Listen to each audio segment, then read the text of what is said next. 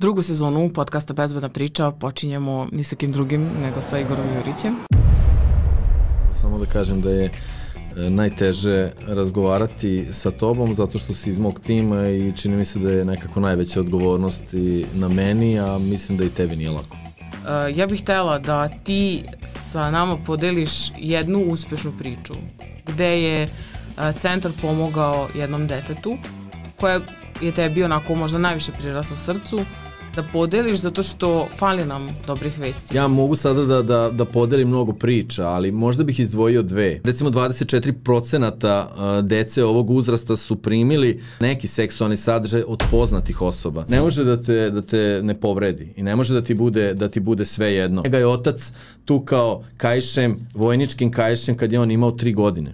I svako od nas koji prećutkuje zlostavljanje jednog deteta u svom okruženju, a zna da se to dešava, znajte da ste saučesnici. Ja često insistiram, kada dođeš na neku poziciju, imaš obavezu da preuzmeš odgovornost. Kada se ujutru probudiš i uzmeš telefon i kada si svih tih strana bombardovan svim tim informacijama, kako se osjećaš? Par sam mislio da sam ja to prevazišao.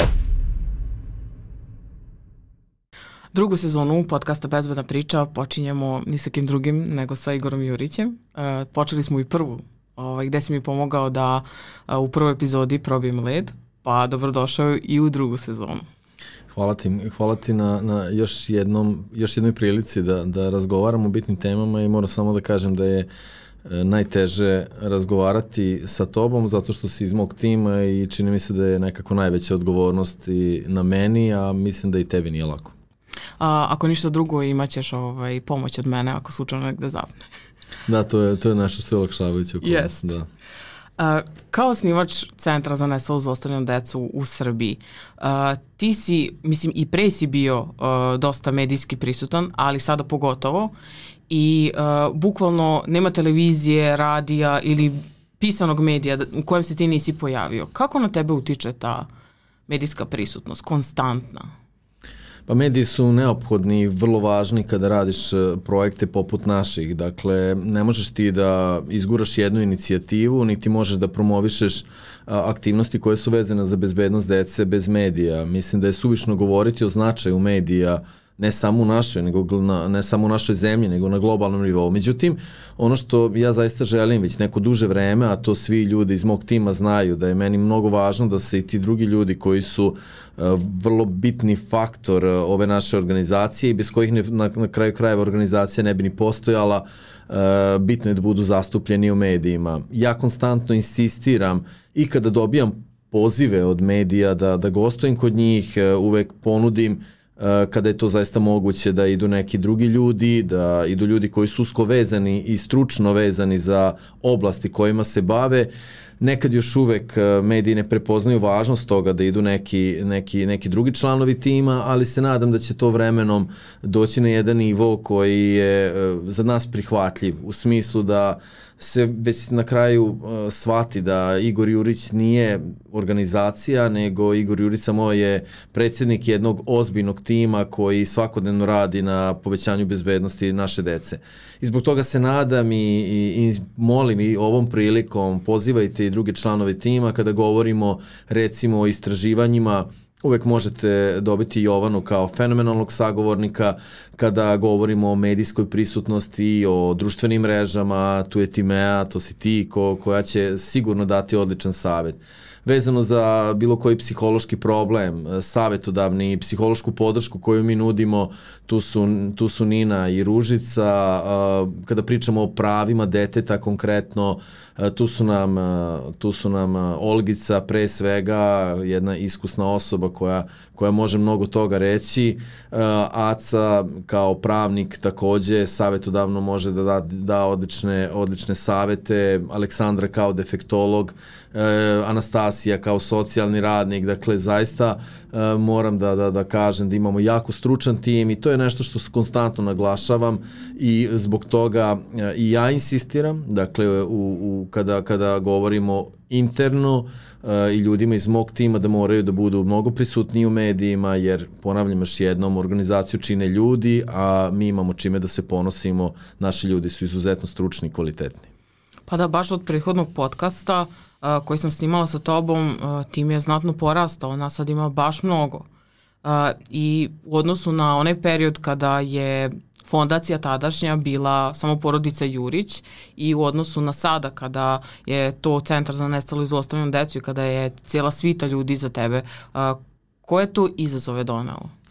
Pa ogromne izazove, dakle održati nivo koji smo mi održali sve ove godine na ovako ovaj jednoj jednoj visokoj razini, visokom nivou zaista je teško i mnogo je lakše krenuti uh, u jednu priču nego održati je. Ja konstantno uh, insistiram na tome da ova priča mora biti održiva i ono što mi radimo danas je upravo održivost organizacije. Uh, mi smo baš kako si i rekla, mi smo krenuli kao fondacija upravo kao članovi porodice. Ja sam bio uh, u tom momentu sve, kasnije je uh, menjali su se članovi tima, ali ali sve se to svelo na jednu ili dve osobe bukvalno. Uh, danas je nas devet u timu, od toga osam ljudi koji su stalno zaposleni kod nas, ja sam deveti koji nisam zaposlen u organizaciji jer imam svoj uh, primarni posao kojim se bavim, ali samim tim kada vidite koliko je to ljudi, koliko su to stručni ljudi, koliko su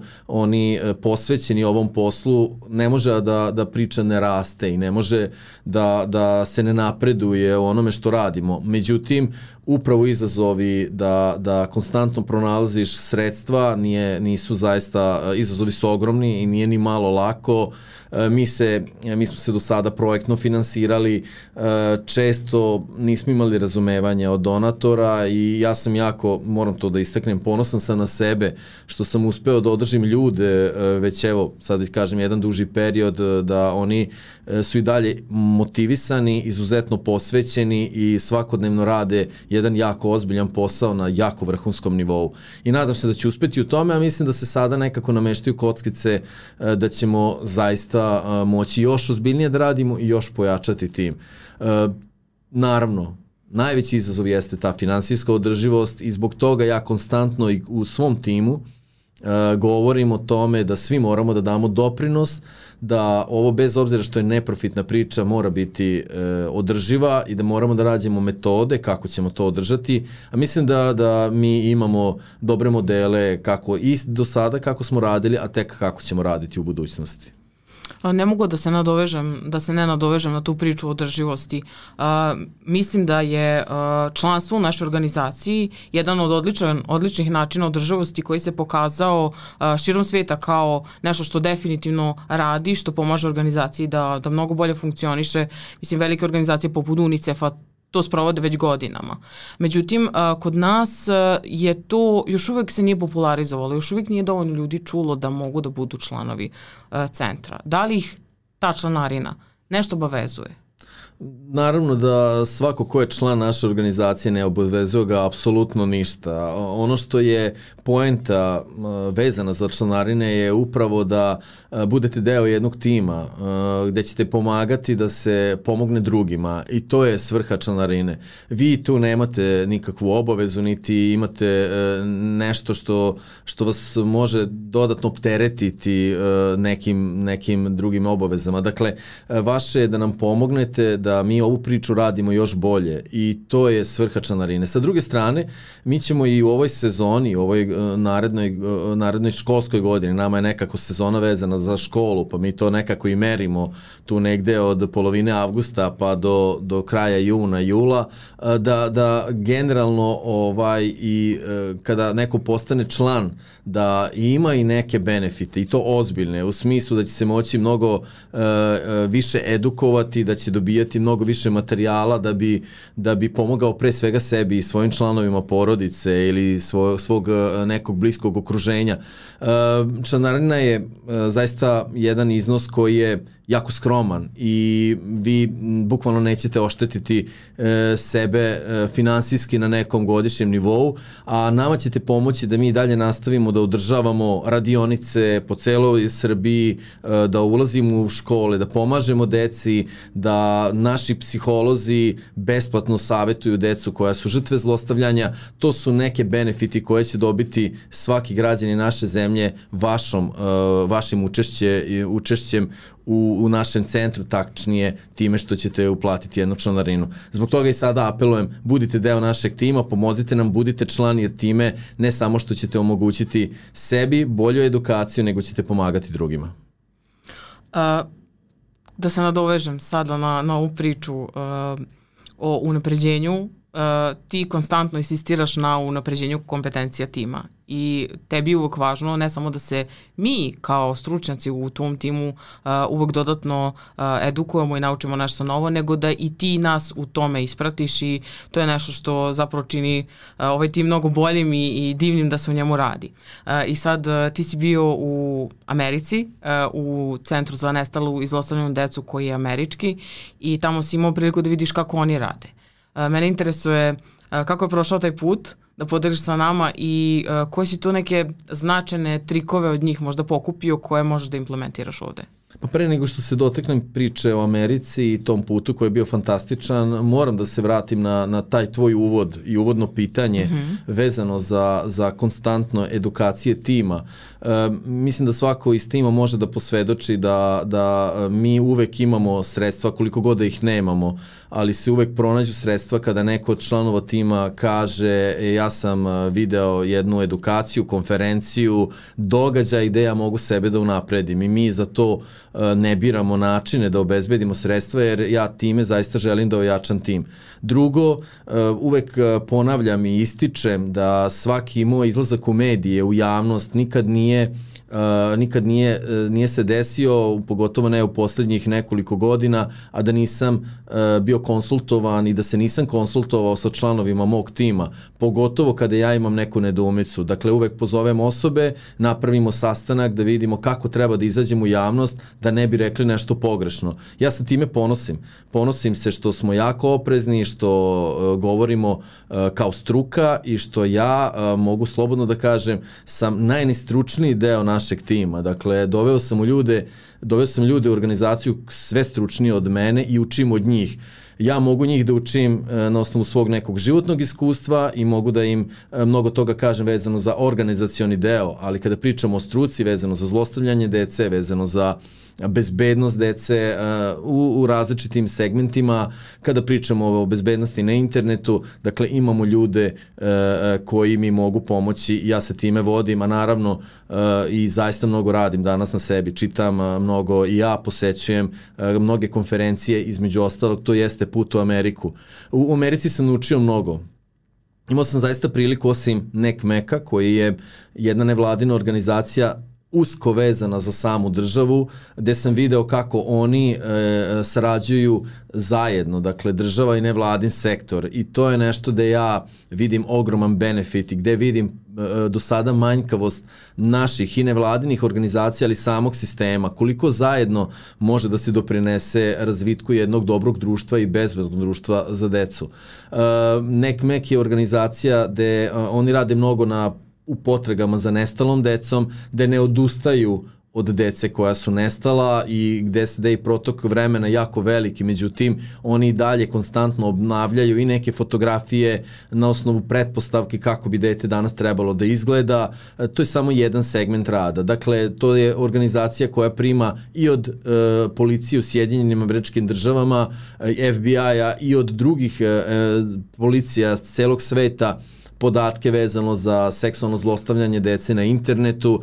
Kod njih zaista imate jednu ogromnu bazu i ogroman broj stručnih ljudi od kojih možete mnogo toga naučiti. Međutim, e, Nek Mek je bio samo jedna stanica koju smo mi prošli. Mi smo mnogo razgovarali i sa stručnjacima iz FBI-a po pitanju nestale dece, protokola kada nestane jedno dete, kako se sprovode, zatim e, protokola nakon pronalaska deteta ili ukoliko dete nije pronađeno rad sa porodicama da bi njihovo mentalno zdravlje ostalo na jednom e, relativno dobrom nivou, zatim ukoliko je dete pronađeno nažalost mrtvo, e, kako se postupa e, sa porodicama sa porodicama u, tim slučajevima.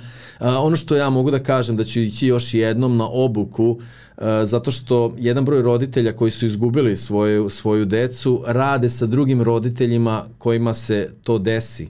i mislim da je to jako važno, jer ja, to je moje neko svedočenje, veliki broj roditelja me danas često poziva kada imaju neki tragičan slučaj u porodici da, da sa mnom obave razgovor i ja to radim, to je možda Uh, nešto što je, što je i samouk sam u tome, dakle nisam dobio podršku od, od nekih stručnih ljudi koji bi mi dodatno pomogli i edukovali me da, da ja mogu možda na jedan stručniji način raz, da razgovaram sa, sa, sa tim porodicama imam podršku u svom timu, naravno, ali mislim da bi mi dodatno obuka i tekako značila i to je nešto što ću sigurno proći u nekom narednom periodu. Zatim razgovarali smo o procedurama, procedurama policije i lokalne i na nacionalnom nivou kada govorimo o masovnim ubistvima.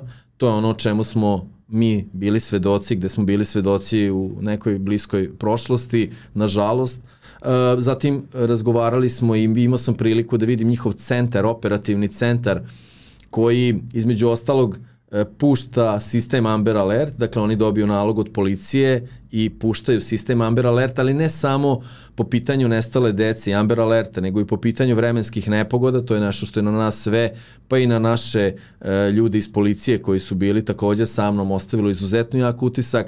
Sve u svemu imali smo priliku i zahvalan sam uh, i ambasadi Sjedinjenih država koja mi je omogućila da mogu da se edukujem i da unapredim i svoje znanje i svoju stručnost upravo time što sam razgovarao sa tako kompetentnim i izuzetno stručnim ljudima.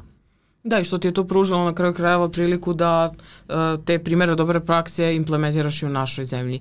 Jedan od tih, uh, jedan od tih sistema koji se tu našao, koji si otišao video kako funkcioniše i koji mi pokušamo ovde da, da implementiramo jeste Amber Alert, odnosno sistem uzbunjivanja javnosti u specifičnim slučajima nestale dece. Uh, I vola bi da se osvrnemo na to. Mislim da je to uh, od početka godine stvarno bila jedna tema o kojoj se neprestano priča i, i o kojoj se, uh, koliko se delilo tačnih i, i, i dobrih informacija, toliko se de, delilo i informacija koje u potpunosti nisu tačne. Uh, ta kampanja počela početkom godine i ovaj, mi smo sada negde na polovini godine. Šta se uh, dogodilo sa uh, implementiranjem ovog sistema? Pa pre nego što odgovorim, uh, dotakao bi se i hvala ti što si me podsjetila, dakle dotakao bi se i toga šta ćemo mi uh, od svega onoga što sam ja uh, imao priliku da vidim mm -hmm. i da učim u Americi, šta ćemo mi implementirati ovde. Dakle, Amber Alert je bio povod da mi idemo tamo, ali sve ono što smo naučili je zaista uh, mogućnost da se, da se radi ovde, a nešto što se nije radilo. Pre svega tu mislim na uh, rad po pitanju recimo masovnih ubistava i tragedija, kako razgovarati i kako pristupati porodicama u takvim slučajevima, koji su to protokoli, načini kako se preveniraju neke stvari, to je ono što će sigurno naša organizacija preuzeti i ono što će sprovoditi ovde. Što se uh, tiče Amber Alerta, da, uh, mi smo jedna od poslednjih kampanja je bila ta velika kampanja koju smo imali u januaru, čini mi se, da, ne, ne da mi se čini, nego 11. januara ove godine je bila sprovedena uh, na društvenim mrežama, jedna jako dobro planirana kampanja gde smo osim našeg tima imali uključene i e, Aleksandru Bezmarević, Dolores, koji su nam bile ovde kao podrška e, da, da okupimo i neke ljude koji su uticajni na društvenim mrežama i da smo to podigli na jedan savršeno veliki nivo, zaista e, i još jednom moram da se zahvalim svim ljudima koji su učestvovali u toj kampanji, da se ta svest o važnosti Amber Alerta i generalno e, prevencije po pitanju nestanaka dece podigne na jedan zaista visok nivo. E, mi smo da sada u jednoj završnoj fazi, mogu slobodno da kažem, dakle nakon svega što smo prošli, a kampanja naša, inicijativa je započeta daleke 2015. godine, e, dakle punih 8 godina smo mi uporno govorili o važnosti sistema Amber Alert, došli smo na kraj e, e, svega toga i sa onako sa velikim ushićenjem, zadovoljstvom, uzbuđenjem mogu da kažem da je ta priča privedena kraju.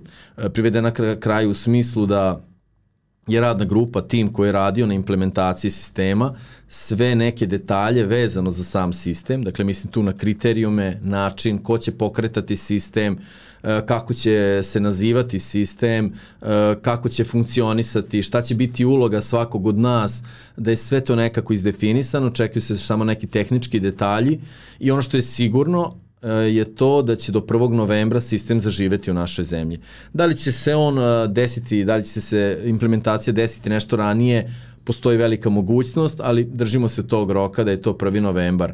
Uh, ima i neke izmene i nekih izmena. E, mi jesmo bili za to da sistem nosi naziv Amber Alert Srbija i to je nekako bilo i naše i ljudi koji nas prate viđenje da je možda najbolja opcija. Međutim, e, svi mi smo se usaglasili da eto i mi smo prihvatili kao tim, kao centar za nestalu i zlostavljanu decu odluku da e, sistem ipak promeni ime i on će nositi e, naše ime koje mislim vrlo efikasno, dobro i poziva na akciju. Ja ne bih da otkrivam jer nemam pravo na to, ali e, definitivno i sada gotovo izvesno da se sistem u našoj zemlji neće zvati Amber Alert. U svakom slučaju, e, zahvaljujući vama, mislim tu na sve one ljude koji nas prate, zahvaljujući svim građanima naše zemlje, svima onima e, e želim i danas da poručim, budite deo priča pokrenite važne priče, ne odustajte od toga zato što na taj način vi menjate stvari u društvu i nemojte, e, nemojte da odustanete zato što posle nekih godinu dana se nije desilo ništa. E, mi smo ovu kampanju pokrenuli 2015. godine, nismo odustajali, istrajali smo, desile, desile su se okolnosti političke, bilo kakve druge, da je došao čovek, da su došli ljudi koji su shvatili da je to važno tako i vi, ne samo po pitanju nekih zakonskih izmena, ne po pitanju sistema, u svom, svojim životima istrajte, budite uporni, ako verujete ono što radite, vi ćete doći do cilja. Da li će se taj cilj desiti rezultat posle e, mesec dana, šest meseci, godina ili pet godina, šest, potpuno je nebitno, desit će se. To je ono čime ja težim, to je ono e, kako se danas vodi naš tim i ponavljam još jednom, ne odustajte od svojih ciljeva u javnost često dopru priče koje su tužne ili koje su strašne i koje su negativne i onda stičemo utisak da je sve mnogo crnje nego što zaista, zaista jeste, jer nikada ne, ne od silnih uh, strašnih priča ne, ne dođe ta bolja i lepša strana uh, na videlo. Uh, ja bih htela da ti sa nama podeliš jednu uspešnu priču gde je uh, centar pomogao jednom detetu koja je tebi onako možda najviše prirasla srcu, da podeliš zato što fali nam dobrih vesti. Baš u, u, u ovom periodu gde se samo nižu neke loše stvari, mislim da nam baš fali. Pa mi imamo, nažalost, e, ili na sreću, na, na žalost zato što se loše stvari dešavaju, na sreću zato što smo pomogli nekoj, nekoj deci, nekim ljudima da oni danas ipak e, žive neki normalan život. Uh, ja mogu sada da, da, da podelim mnogo priča, ali možda bih izdvojio dve. Dve priče koje su onako nama jako važne i uh, dve priče s, koje, se, koje, se, uh, koje su se desile uh, deci, mladim ljudima koji su zaista, čini mi se, izašli mnogo jaki iz svega i čak uh, mnogo jači, i, a tu je nekako mogu da kažem da je naša zasluga u svemu tome. Uh, E, jedna priča je vezana za dečaka ovde iz Novog Sada koji je zaista prošao jednu Golgotu. Jednu Golgotu koja je, koja je bila e, koja, koja se nekako desila na društvenim mrežama gde je dečak samo želeo da provede neko svoje slobodno vreme, gde je želeo da upoznaje neke nove ljude, gde je potpuno naivno ušao u jednu priču koja mu je od njega e, i od njegovog života koji je bio potpuno običan e, kao svaki drugi život e, svakog e, dečaka i devojčice u našoj zemlji, pretvoren je u pakao. I ta priča je utoliko teža zato što je zato što je izmanipulisana i zato što je taj dečak zapravo samo želeo da dobije ono što mu nedostaje. Na kraju je bio izložen jednoj torturi E, seksualnom zlostavljanju i to je trajalo pune dve godine. E, samo zahvaljujući time što je e, na nagovor svoje najbolje drugarice došao kod nas, mogu da kažem da smo mi, osim što smo zaustavili to zlostavljanje, čovek koji ga je zlostavljao je završio u zatvoru i mogu da kažem da je uz pomoć naših stručnjaka, naših psihologa i ne samo psihologa, moram da kažem svih ljudi u našem timu, taj dečak danas dobro. i jako smo ponosni na, tom de, na tog dečaka, on je bio naš stipendista, neko ko je sa nama provodio mnogo vremena, neko ko se druži, neko ko je danas deo, deo svih nas. E, to je jedna priča koja je, koja je jako važna za nas, na koju smo mi jako ponosni. Druga priča je vezana za devojčicu iz Niša koju svi nažalost poznajemo. Ona je devojčica koja je bila žrtva jednog e, ozbiljnog e, zlostavljača e, koja je srećom preživela to što je se desilo, a desilo se, desile su joj se jako strašne stvari, gde je ona bila zatočena 10 dana i gde je gde je prošla zaista jednu, jednu stravičnu situaciju u smislu da je bila E, dovoljno samo reći da je nekoliko večeri provela i spavala u šumi sa, sa jednim ozbiljnim zlostavljačem, ne želeći da pričam o drugim stvarima koje je ona proživela za tih 10 dana. Mi smo danas jedna ozbiljna podrška toj porodici i tom detetu. Mi smo neko ko e, je e, ko njima obezbeđuje letovanje, ko je konstantno tu kao podrška, psihološka podrška, ko je, ko je gde su, gde su članovi tima, članovi njihove porodice, oni su deo naše porodice. Oni će i ove godine u avgustu doći kod nas u Vojvodinu gde će provesti sedam siguran sam divnih dana, to je sve na, na, na trošak naše organizacije. Želim da kažem da upravo time što ćete platiti članarinu, time što ćete kupiti knjigu kod nas, jedan duks, jednu majicu, vi upravo pomožete toj deci. To je način da se odužimo toj deci koja su zaista našom nebrigom, e, mogu to slobodno reći, došli u jako teške nezavidne situacije i zato vas molim, nemoj da se libite kada imate možda dilemu e, gde ćete i kako pomoći, ako imate želju da pomognete, možete na taj način. Učlanite se u našu organizaciju, e, budite deo naše priče, posetite naš web shop, stop, uh, uradite sve što možete da pomognete jer mi uh, tu pomoć prosleđujemo samo drugoj deci. Jako mi je drago što si to spomenuo, zato što kao neko ko uh, se bavi mrežama, uh, društvenim mrežama centra, uh, ja definitivno uh, moram da pročitam sve komentare koji nam pristignu i među tim komentarima često se nađe uh, zamerka uh, za to kada se uh, postavi neka preporuka za knjigu Uh, ljudi su uglavnom izrevoltirani uh, i njima smeta taj novac koji će biti dat za, za tu knjigu. Zato mi je drago što si ti spomenuo i edukaciju tima za koju se uvek nađe novac, a taj novac definitivno dolazi od članarina i od kupovine knjiga, da si spomenuo da pomažemo deci, da si spomenuo da imamo uh, super psihologe, super pravnike koji takođe besplatno obezbeđuju pomoć svim tim ljudima kojima je ona najpotrebnija. Uh, definitivno bih voljela da spomenemo našu edukativnu literaturu koje imamo mnogo uh, i da te pitam da možda preporučiš neku knjigu Pa ja ne mogu da ne, ne spomenem uh, našeg Vladu Arsića. Vlada Arsić je deo našeg tima, on nažalost uh, danas ima malo zdravstvenih problema i nije dovoljno uključen u rad naše organizacije, međutim Vlada je borac i on će se izvući, ovog puta ga svi mi iz našeg tima pozdravljamo to je, to je nešto, nešto de, što najmanje možemo da učinimo za njega, mi zaista time što smo nastavili da radimo, borimo se samim tim i za, za Vladu Arsića. Vlada Arsić je napisao nekoliko knjiga, ja obožavam da čitam Vladu Arsića i Vlada Arsić je moj omiljeni pisac, pa zbog toga um, to možda nije stručna literatura, ali s obzirom da su priče koje on piše uh, uglavnom zasnovane na istorijskim činjenicama i na istinitim događajima, ja ću i ovog puta da spomenem knjigu koju sam pročitao četiri puta do sada. Radi se o knjizi koja se zove Armagedon i bukvalno je zasnovana na istinitim događajima i na pričama i životima dece koja su prošle uglavnom žrtve uh, seksualnih predatora na internetu.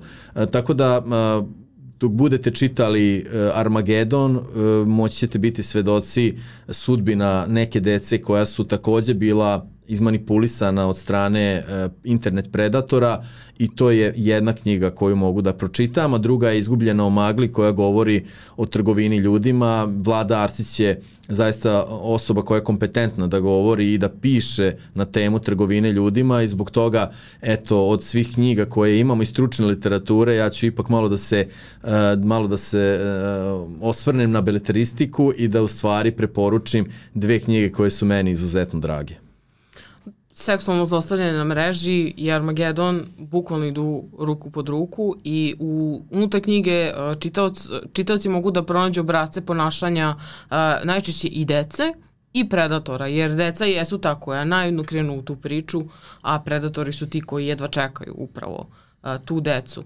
I uh, mi smo hteli da istražimo taj, tu temu, tu pojavu uopšte, pošto je internet sada bukvalno sve prisutan, svi smo na internetu, svi imamo telefon uh, i želi smo da priđemo toj temi seksualnog zlostavljanja na mreži malo više u centru, uh, jer do sada u Srbiji niko nije, uh, svi pričamo o tome, ali nemamo konkretne podatke. I mi smo pokrenuli istraživanje uh, i šta smo, saz, šta smo saznali u tom istraživanju? Koji podatak je tebe možda najviše Jedna od vaših stvari koje sam video da nam nedostaju u našoj organizaciji je bilo upravo uh, naučna istraživanja i zbog toga smo i pojačali tim sa Jovanom Škorić koja je e, doktor docent Jovana Škorić koja je zaista fenomenalna i čini mi se da teško je naći kompetentniju osobu od nje, od nje po tom pitanju. I e, eto ja sam jako ponosan što smo uradili prvo istraživanje vezano za e, vezano za, za rizični sadržaj i štetni sadržaj koji se nalazi na internetu i zapravo izloženost mladih i dece tom uh, sadržaju. Uh, D-Shame je istraživanje koje je sprovedeno već u nekoliko evropskih zemalja, tu pre svega mislim na Veliku Britaniju, Dansku, Mađarsku, Hrvatsku, mi smo jedna od zemalja koja je uradila to istraživanje i stalno, upravo se, stalno se govori o tome Ehm, deca su, imaju problem, u riziku su na internetu, uvek govorimo o nekim brojkama, ali nemamo konkretan i tačan broj. Upravo su zbog toga važna ta istraživanja i ne možeš da znaš zapravo sa kakvim se problemima dete na internetu i u drugim uh, sferama života nalazi ukoliko ih ne pitaš.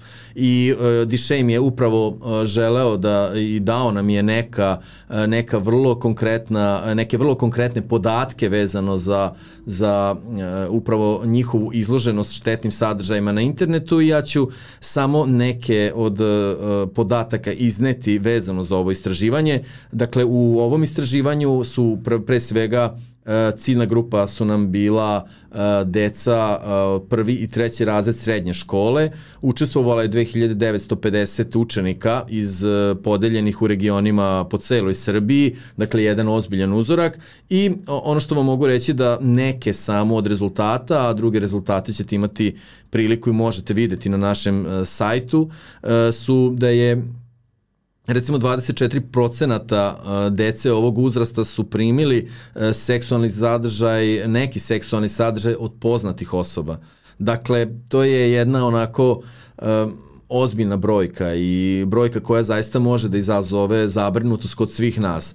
E, još veća je brojka kada govorimo o tome od koga su od nepoznatih lica od koje su primili e, takav jedan e, takav sadržaj. Dakle govorimo o brojci od 27,5 procenata. Još veća brojka je dakle od da, da su deca bili izloženi štetnim sadržajima od nepoznatih lica. 20% dece blokiraju svoje zlostavljače i prijavljuju prijavljuju zlostavljače, e, međutim ono što, što ja sam jako ponosan na njih. Dakle, ja zaista želim da kažem e, svako dete koje danas prijavi E, zlostavljača. Svako dete koje uradi dobru stvar na internetu, na društvenim mrežama, dakle time što će prijaviti svojim roditeljima da su izloženi nekom lošem sadržaju, da blokiraju zlostavljača, da urade, e, da prijave policiji ako je pretnja u pitanju ili slično. Dakle, ako ne ćute, ja sam jako E, ponosan na njih i apelujem, nastavite dalje, nemojte da prestanete, važno je da prijavite kad vas neko uznemirava, važno je da prijavite kad vas neko vređa, važno je kad vam važno je da prijavite kad vam neko šalje neki uznemiravajući sadržaj na društvenim mrežama, na internetu generalno. Ali isto tako je veliki broj onih koji to ne prijavljuju. I e, važno je da svaki roditelj shvati da to su cifre. 20% dece blokira, 24% zove neku liniju na pomoć. Ali šta je sa onih 76? Šta je sa 80%? Na nama je. Dakle, na svakom roditelju, na svakoj odrasloj osobi jeste da utiče na svoje dete ili na dete u okruženju, dete svojih prijatelja, kumova, braće, sestara, rodbine, komšija, e, da treba da se, da se prijavi. I to je nešto na čemu mi danas moramo i da utičemo na svoje najmlađe, ali da utičemo i na sve nas. E, svaki odrastao čovek koji ne prijavi zlostavljača, svaki odrastao čovek koji ne prijavi zlostavljanje deteta u okruženju je saučesnik. I toga morate da budete svesni. Ja uvek govorim, navodim konkretne primere. Najveći konkretan primer, Zoran Albić iz Negotina, on je, podsjetit ću vas, brutalno uh, zlostavljao devojčicu od dve i po godine koja se zvala Luna. Uh, zlostavljao je na taj način da je uputio 54 udarca u glavu te, te uh, nemoćne devojčice i da bi prikrio zločin bacio je sa terase sa drugog sprata, usmrtio je. I mi smo svi bili zgroženi time, je li tako? Svi smo bili zgranuti, nismo mogli da verujemo da postoji takav monstrum koji je spreman to da uradim, da uradi. Međutim, time što sam bio i prisutan na sudu, mogao sam da prisustvujem svedočenju najbliže rodbine tog istog Zorana Albića, gde su oni govorili da je taj Zoran proživeo pakao od rođenja pa do momenta dok nije otišao u zatvor. Dakle, tako što su ga najbliži e, roditelji, najbliži rod, rod, najbliža rodbina brutalno zlostavlja. Njega je otac tukao kajšem, vojničkim kajšem kad je on imao tri godine od njegove treće godine. Dakle, to je dečak tada koji apsolutno nije znao za ljubav, nije, nikomu nije uputio ni jednu lepu reč. E, ta rodbina njegova najbliža je znala za to i niko nije odreagovao. Oni su ti, osim oca, oni su ti takođe koji su od njega napravili ubicu. Oni su napravili ubicu male lune od Zorana Albića. I svako od nas koji prećutkuje zlostavljanje jednog deteta u svom okruženju, a zna da se to dešava, znajte da ste saučesnici, time se vodite, nemamo prava da ćutimo, jer će isti taj Zoran Albić, samo u drugom obliku, sa drugim imenom, počiniti isto takvo zlodelo i mi ćemo biti odgovorni za to. Nije samo Zoran Albić odgovoran, mi smo kao društvo odgovorni, to neka vam bude nauka. Tačno, slažem se i mislim da je u našoj kulturi uh, od vajkada uh, prisutna ono ne želim da se mešam u tuđa posla. To je njihova stvar, ja ne želim u to da se mešam. Mislim da je sada na ovim novim generacijama, na nama uh, jedan veliki zadatak da promenimo tu, tu jednu generacijsku, uh, da je to tabu i da se o tome ne priča i da krenemo svi da prijavljamo. Mislim da ćemo svi onda zajedno ujedinjeni uh, da učestvujemo u smanjenju stope nasilja, pojave uopšte, bilo, tak, bilo kakve takve pojave koje je stravična za društvo. Uh, Spomenuo si sada ljude kojima nedostaje ljubavi i koji su zlostavljani u detinstvu i koji posle postaju zlostavljači i to je neki začarani krug, ja bih tako rekla. Uh, šta radi centar povodom toga? Da li centar ima neki plan koji bi zapravo uh, pomogao da se u tom krugu negde stavi tačka? Mi smo do sada uglavnom kao centar uh, bavili smo se zagovaračkim aktivnostima. Dakle, preventivne aktivnosti su nam bile fokus, naravno, i mi smo zbog toga obišli jako veliki broj škola. Ne znam sada tačno, moramo da vidimo uh, i da stavimo tačku na ovu sezonu, kako, kako je mi nazivamo, koliko smo do sada i gde smo se zaustavili, na kojoj brojci, znam da je tu negde oko 760 i nešto, 770 uh, predavanja koje smo održali. I time pokazujemo jeli, odgovornost. Međutim, ja nisam želeo da se na tome zaustavimo i mi smo već evo dve godine unazad uh, insistirali konstantno da mi moramo da krenemo sa radom, i preventivnim aktivnostima, ali direktno sa žrtvama. Kada govorimo, sa, kada govorimo o žrtvama, ne mislim tu samo na decu, recimo, koje su žrtve vršnjačkog nasilja. E, mi pričamo i o deci koja su počinioci tog nasilja, deca u riziku, deca koji imaju problem u ponašanju. Jako sam oprezan kada govorim o tome, zato što e, često smo jako grubi i e, nestručno se izražavamo kada govorimo o toj deci, zato što zaboravljamo jednu najvažniju činjenicu, da i da deca koja čine nasilje su ipak samo deca.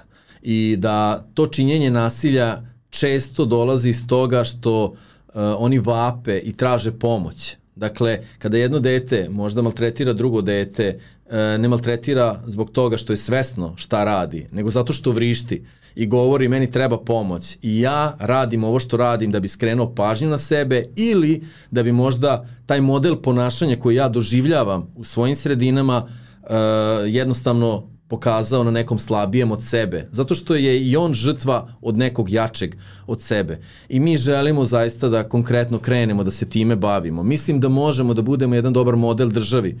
Kako neke stvari mogu da se menjaju? Uh, oformili smo osim našeg tima jedan savet koji će nam biti Uh, koji će nam biti u stvari uh, i daće nam model kako treba da radimo, napravit ćemo jedan program, preventivni program rada sa decom sa problemom u ponašanju i mi ćemo pokazati i dokazati da se stvari mogu menjati. Da ta deca nisu deca rođena zla i nisu deca rođena loša, nego da su samo deca pod nekim lošim uticajem, time što su zlostavljana, što su pretrpela i trpe bol, često uzrokovano i da je uzrokovano sve ono što rade upravo time. Tako da je to jedna od ključnih stvari što će centar raditi u narednom periodu. Naravno, ono što moram da kažem da ćemo naše aktivnosti preseliti u Beograd, da ćemo pokrenuti tamo mnoge edukativne radionice, da će nam kancelarija uh, i tamo biti otvorena, jako sam ponosan na to, a da ćemo ovde u Novom Sadu ipak taj fokus i centar aktivnosti koje se tiču preventivnih aktivnosti vezano dece sa problemom u ponašanju ovde pokrenuti da bi možda kasnije on zaživeo na teritoriji cele Srbije. Kao organizacija ćemo dati svoj doprinos. Kao organizacija ćemo preuzeti odgovornost što se često ne radi u našoj zemlji. Ja često insistiram kada dođeš na neku poziciju imaš obavezu da preuzmeš odgovornost. Nemoj da se uzimaš posla i hvataš posla ako nisi spreman za to preuzimanje odgovornosti nije samo da otvaraš puteve, da sečeš vrpce kad se otvaraju neke zgrade ili slično. Preuzimanje odgovornosti kada se dešavaju loše stvari. I zbog toga je važno da na ključna pozicije dolaze stručni ljudi. Ja sam preuzeo odgovornost sa svojim timom, sa stručnim ljudima, da se mi želimo i možemo time baviti, da ćemo se na pravi način boriti i ponavljam još jedno, zbog toga nam je potrebna vaša pomoć. Svako od nas je deo centra, svako od nas će pomoći našem centru i našem radu time što će se baviti svojim detetom, time što će zaštititi dete u svom okruženju koje je zlostavljano, time što će se edukovati, time što će kupiti literaturu gde će raditi na sebi da bi pomogao drugima. To je konkretna pomoć. To što ćemo pisati na društvenim mrežama, to što ćemo komentarisati nije dovoljno. Zbog toga sam želeo da preuzmemo odgovornost i mislim da ćemo kao tim pokazati kako se nosimo sa tom odgovornošću.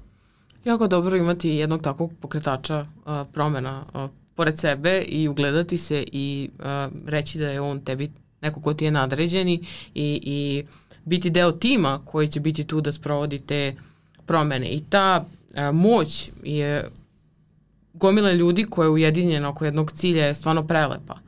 Ali je još lepša kada se vidi uh, iz daljine, kada odzoomiramo i kada vidimo svi ti ljudi koji su se priključili dostizanju ne, ne, nekog cilja, koliko su oni doprineli uh, kao jedna zajednica. I mislim da nam tog zajedništva uh, orijentisani oko jedne važne teme, dok se ta tema ne istera na videlo, dok ne bude sve kako treba, uh, isto takođe fali, kao i dobrih vesti, kao što sam napomenula.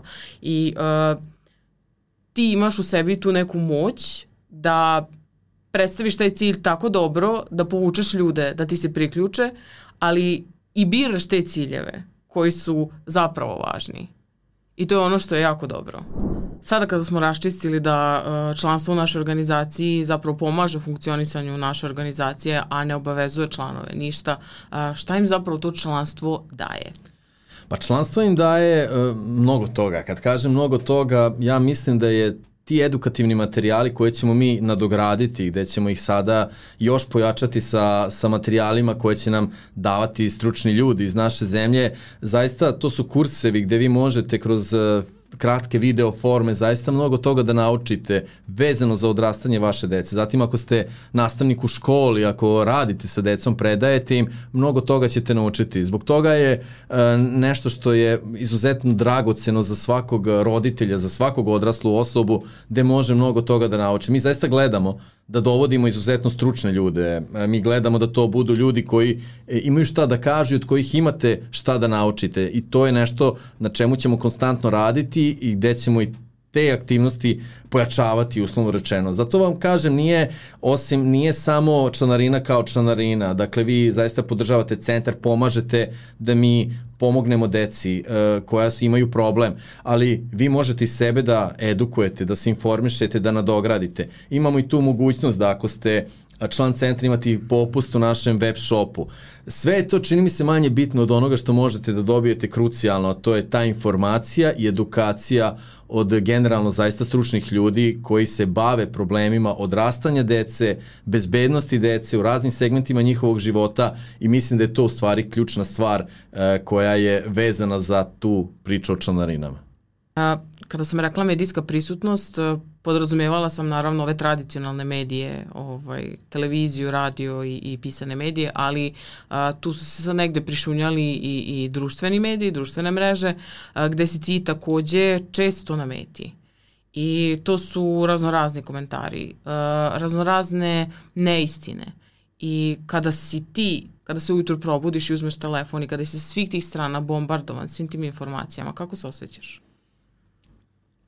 Ja sam nekako, bar sam mislio da sam ja to prevazišao i generalno nekako ne obazirem se na, na, na sve to zato što znam koji mi je cilj, znam kako radimo i uopšte nemam sumnju to. Međutim, ne može da te ne dotakne. Ja sam evo sad u poslednjih e, mesec dana zaista zbog jednog lajka na, na društvenoj mreži i to, to je lajk ja moram i da opišem kako izgledao taj lajk, e, tipa ujutru kao što 90% Srba e, i generalno stanovnika sveta, kad se probudite, onda odete do toaleta i uzmete telefon i prelistate da li imate neku poruku, mail ili nešto slično i ja tako scrollujem i onda gledam tako bezazleno i foto, ono, lajkuješ neke fotografije. Uh, jedna fotografija je izazvala toliko emocija, toliko poruka ružnih, toliko užasno i pretećih poruka da sam ja bio onako fasciniran. Ja moram da kažem da ja ne zameram nijednoj osobi koja mi je uputila, evo sada im poručujem, ja nikome nisam odgovarao, jer jednostavno bilo me besmisleno bilo kome ili zašto bi se uopšte nekome pravdao, zašto si ti nekome udario like.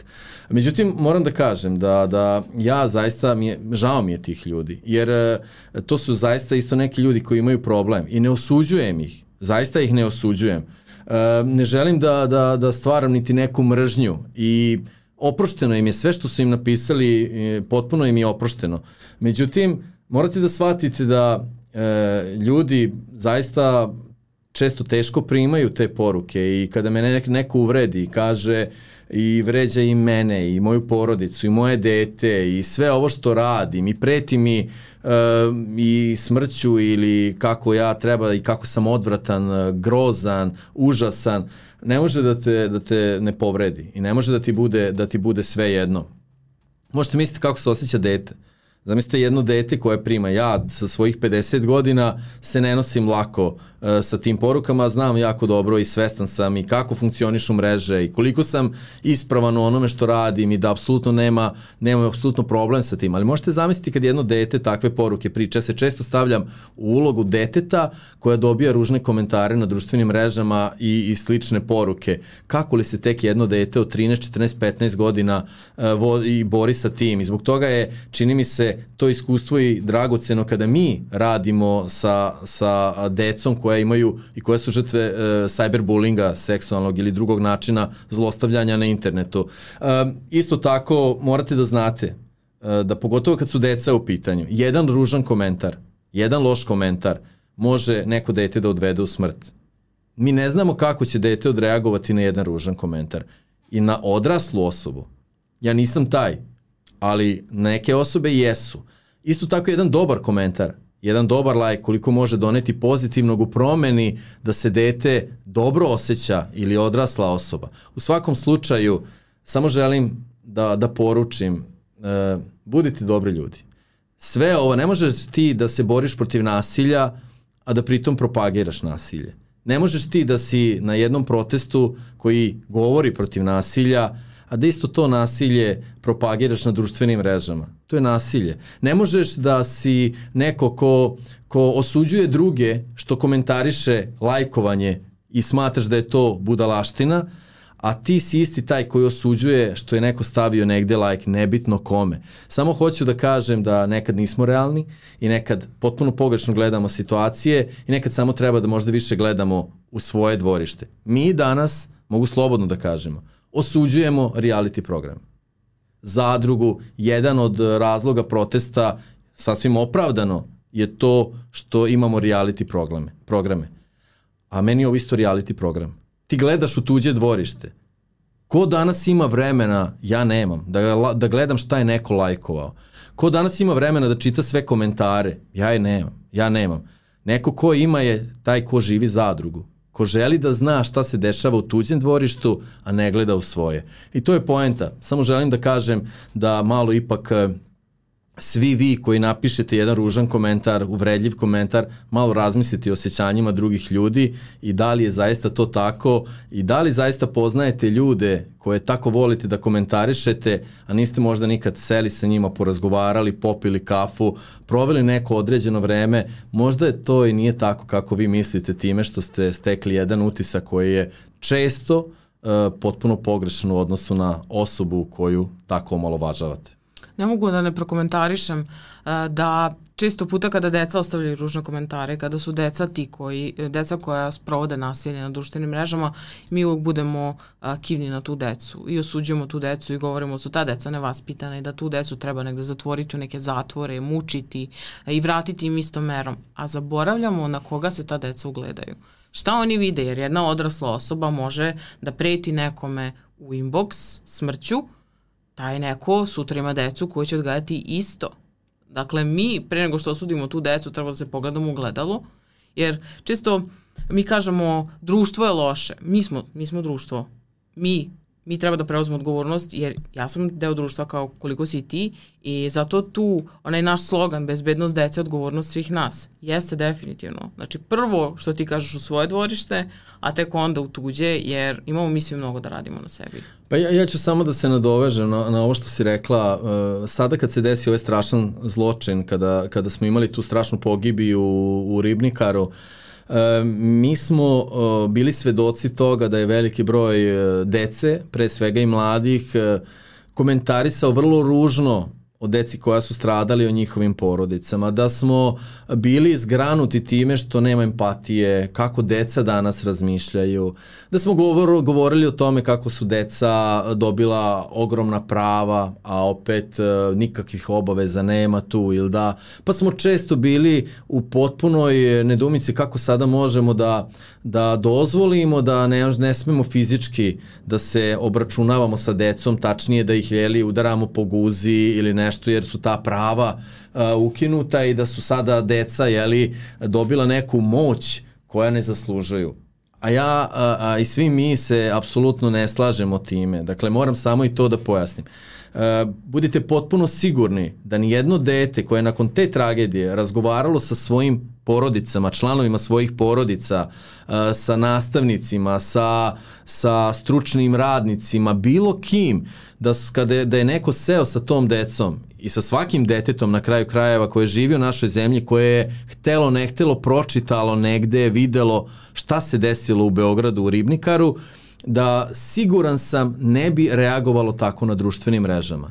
Uh, kad bi i da ste, da ste, uh, da je svaki roditelj seo sa detetom i da ga je stavio za sto i rekao šta misliš o ovome što se desilo? Kako si ti kao dete doživelo, uh, kako si doživeo to što se desilo u Ribnikaru? Pa ako vidiš da dete ima možda i neke pogrešne stavove, pa da mu objasniš. Da li znaš kako se osjećaju porodice te dece? Da li znaš koliko je njima danas teško? Da li si svestan toga da je e, jedno dete da su da je jedno dete ostalo bez sestre brata da je da su roditelji ostali bez dece da li si toga svestan i taj dečak ta devojčica ko, sa kojom ste vi obavili razgovor sigurno ne bi reagovalo pogrešno na društvenim mrežama i slalo neke komentare ili se poistovećivalo sa sa detetom koje je počinio zločin. Dakle, ne bi. Međutim, mi smo to pustili jednostavno, da svako dete doživi to na svoj način, da svako dete u svojoj glavi ima percepciju šta se desilo i se zaboravljamo jednu drugu stvar, da postoji veliki broj zlostavljane dece. Veliki broj zlostavljane dece je možda srećno što se to desilo, zato što traži možda osvetu. Možda traži da i neko isto ima bol kako to dete koje doživljava bol, a niko ne sprečava, jednostavno uh, kaže, pa dobro, ako ja patim, zašto ne bi patio i neko drugi? I vraćamo se na te famozne prava deteta. Uh, kod nas, u naš centar, ti si svedok tome, dolaze deca koja su često zlostavljana, seksualno zlostavljana od svojih roditelja, od strane svojih komšija, prijatelja, neke nepoznate osobe na internetu. I kada govorite o tome da deca imaju veće prava, onda se setite i dece koja su u svojim, svojim okruženjima, deca koja trpe ozbiljno nasilje. I zapitajte se da li vi kao roditelj E, time što ste nezadovoljni što jedno dete uh, ćemo, uh, to jest što ćemo zabraniti roditelju da udari svoje dete po guzi, setite se i stavite ulogu stavite se ulogu dece koja svakodnevno trpe ogromne e, e, batinanja od strane svojih najbližih. I onda o tome malo razmišljajte. Nemojte, e, nemojte samo da se da jednostrano gledate celu situaciju, nego morate malo šire malo da otvorite svoje vidike i da, da se stavite u situaciju dece koja trpe svakodnevno nasilje. Dakle, svako dete kad se rodi ima prava da živi, da ne bude zanemareno, da se brinemo o njima. Zapitajte se da li ste svesni toga koliko dece zapravo nema to pravo i koliko dece nemaju mogućnost da žive samo normalno, a ne da imaju neke privilegije, samo normalno. Time se vodite. To je, to je stvar koja mi mnogo smeta, I to je stvar koju želim svakako da pomenem u ovoj, u ovoj, u ovoj, našoj, ovoj našoj priči, zato što smo sebični, zato što kao roditelji danas uh, smo sebični i gledamo samo sebe da zaštitimo, a ne vodimo računa o pravima deteta. Uh, danas smo jako kivni zato što i želimo da ovu priču koja se desila u Ribnikaru uh, rešimo tako što ćemo smanjiti krivičnu odgovornost sa 14 na 12 godina i time ćemo jednostavno dati do znanja svima nismo dovoljno sposobni da brinemo o deci.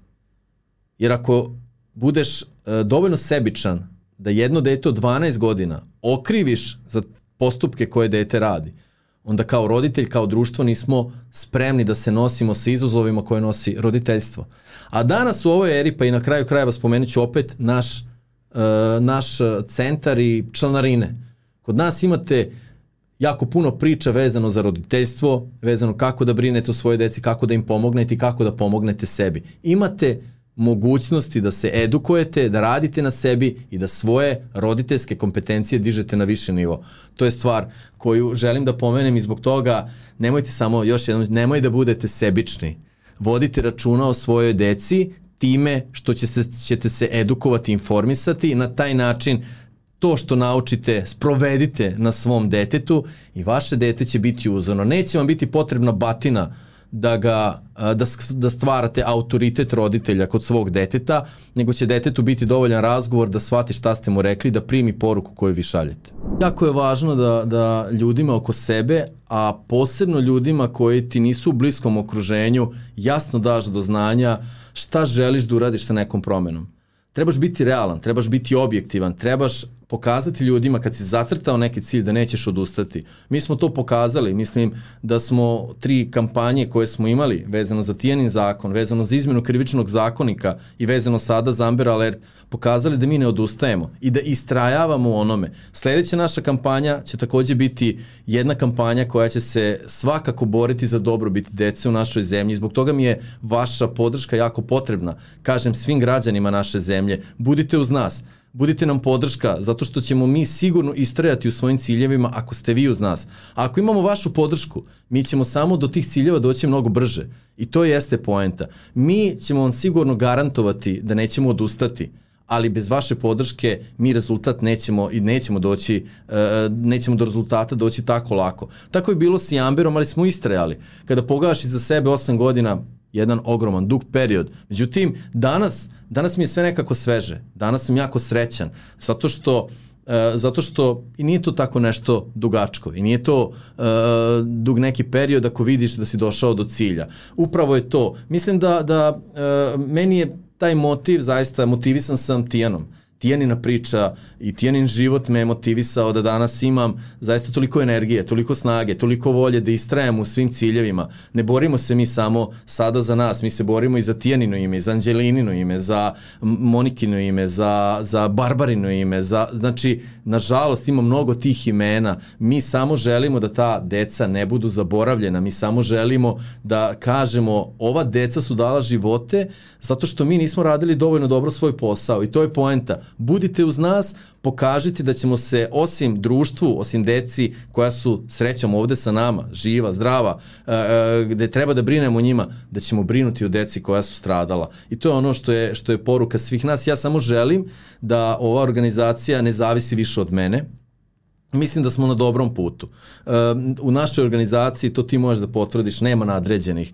E, nema, nema neko ko, ja možda imam najveću odgovornost, zato što sam najstaknutije lice i neko ko je pokrenuo celu priču. Ali ako pogledamo da li ja imam, da li sam, da li je e, po činu, da li sam viši od Ace ili od tebe ili od Ružice, Apsolutno nisam, niti to tako osjećam, ali osjećam da upravo tim zajedništvom mi možemo biti dobri pokretači i mislim da to pokazujemo konstantno. Hvala ti što si ovako sjajnom porukom i, i uh, odličnom porukom završio ovaj razgovor, jer uh, htela sam na kraju, priznajem da te pitam, da pošalješ neku poruku, uh, ali ja ovo ne bih kvarila, jer je stvarno zvučalo odlično i stvarno opisalo ono što nas motiviše i ono što nas vodi, neka zvezda vodilja i opisalo je definitivno naš cilj. Tako da ovaj, ostavila bih na ovome i zahvalila bih ti se još jednom što si pričao sa mnom i što si podelio sve ove informacije sa ljudima i vidimo se u sledećoj epizodi ili u trećoj sezoni. Na verovatno kad budemo otvarali treću sezonu. Hvala tebi i idemo dalje. Hvala vam što ste pratili još jednu epizodu podcasta Bezbedna priča. Do sledeće epizode ja vas pozivam da posetite naš sajt uh, i na njemu pronađete odeljak članarina kako biste se učlanili. Mi smo o članarini pričali u ovom podcastu, nastavit ćemo da pričamo o tome. Takođe pozivam vas da pogledate naš web shop, da pogledate ove knjige o kojima Igor unutar podcasta pričao i takođe ne zaboravite da kliknete subscribe i da takođe na našim profilima kliknite jedan follow jer nama to mnogo znači jer onda do, dopiramo do mnogo većeg broja ljudi. Hvala vam i vidimo se.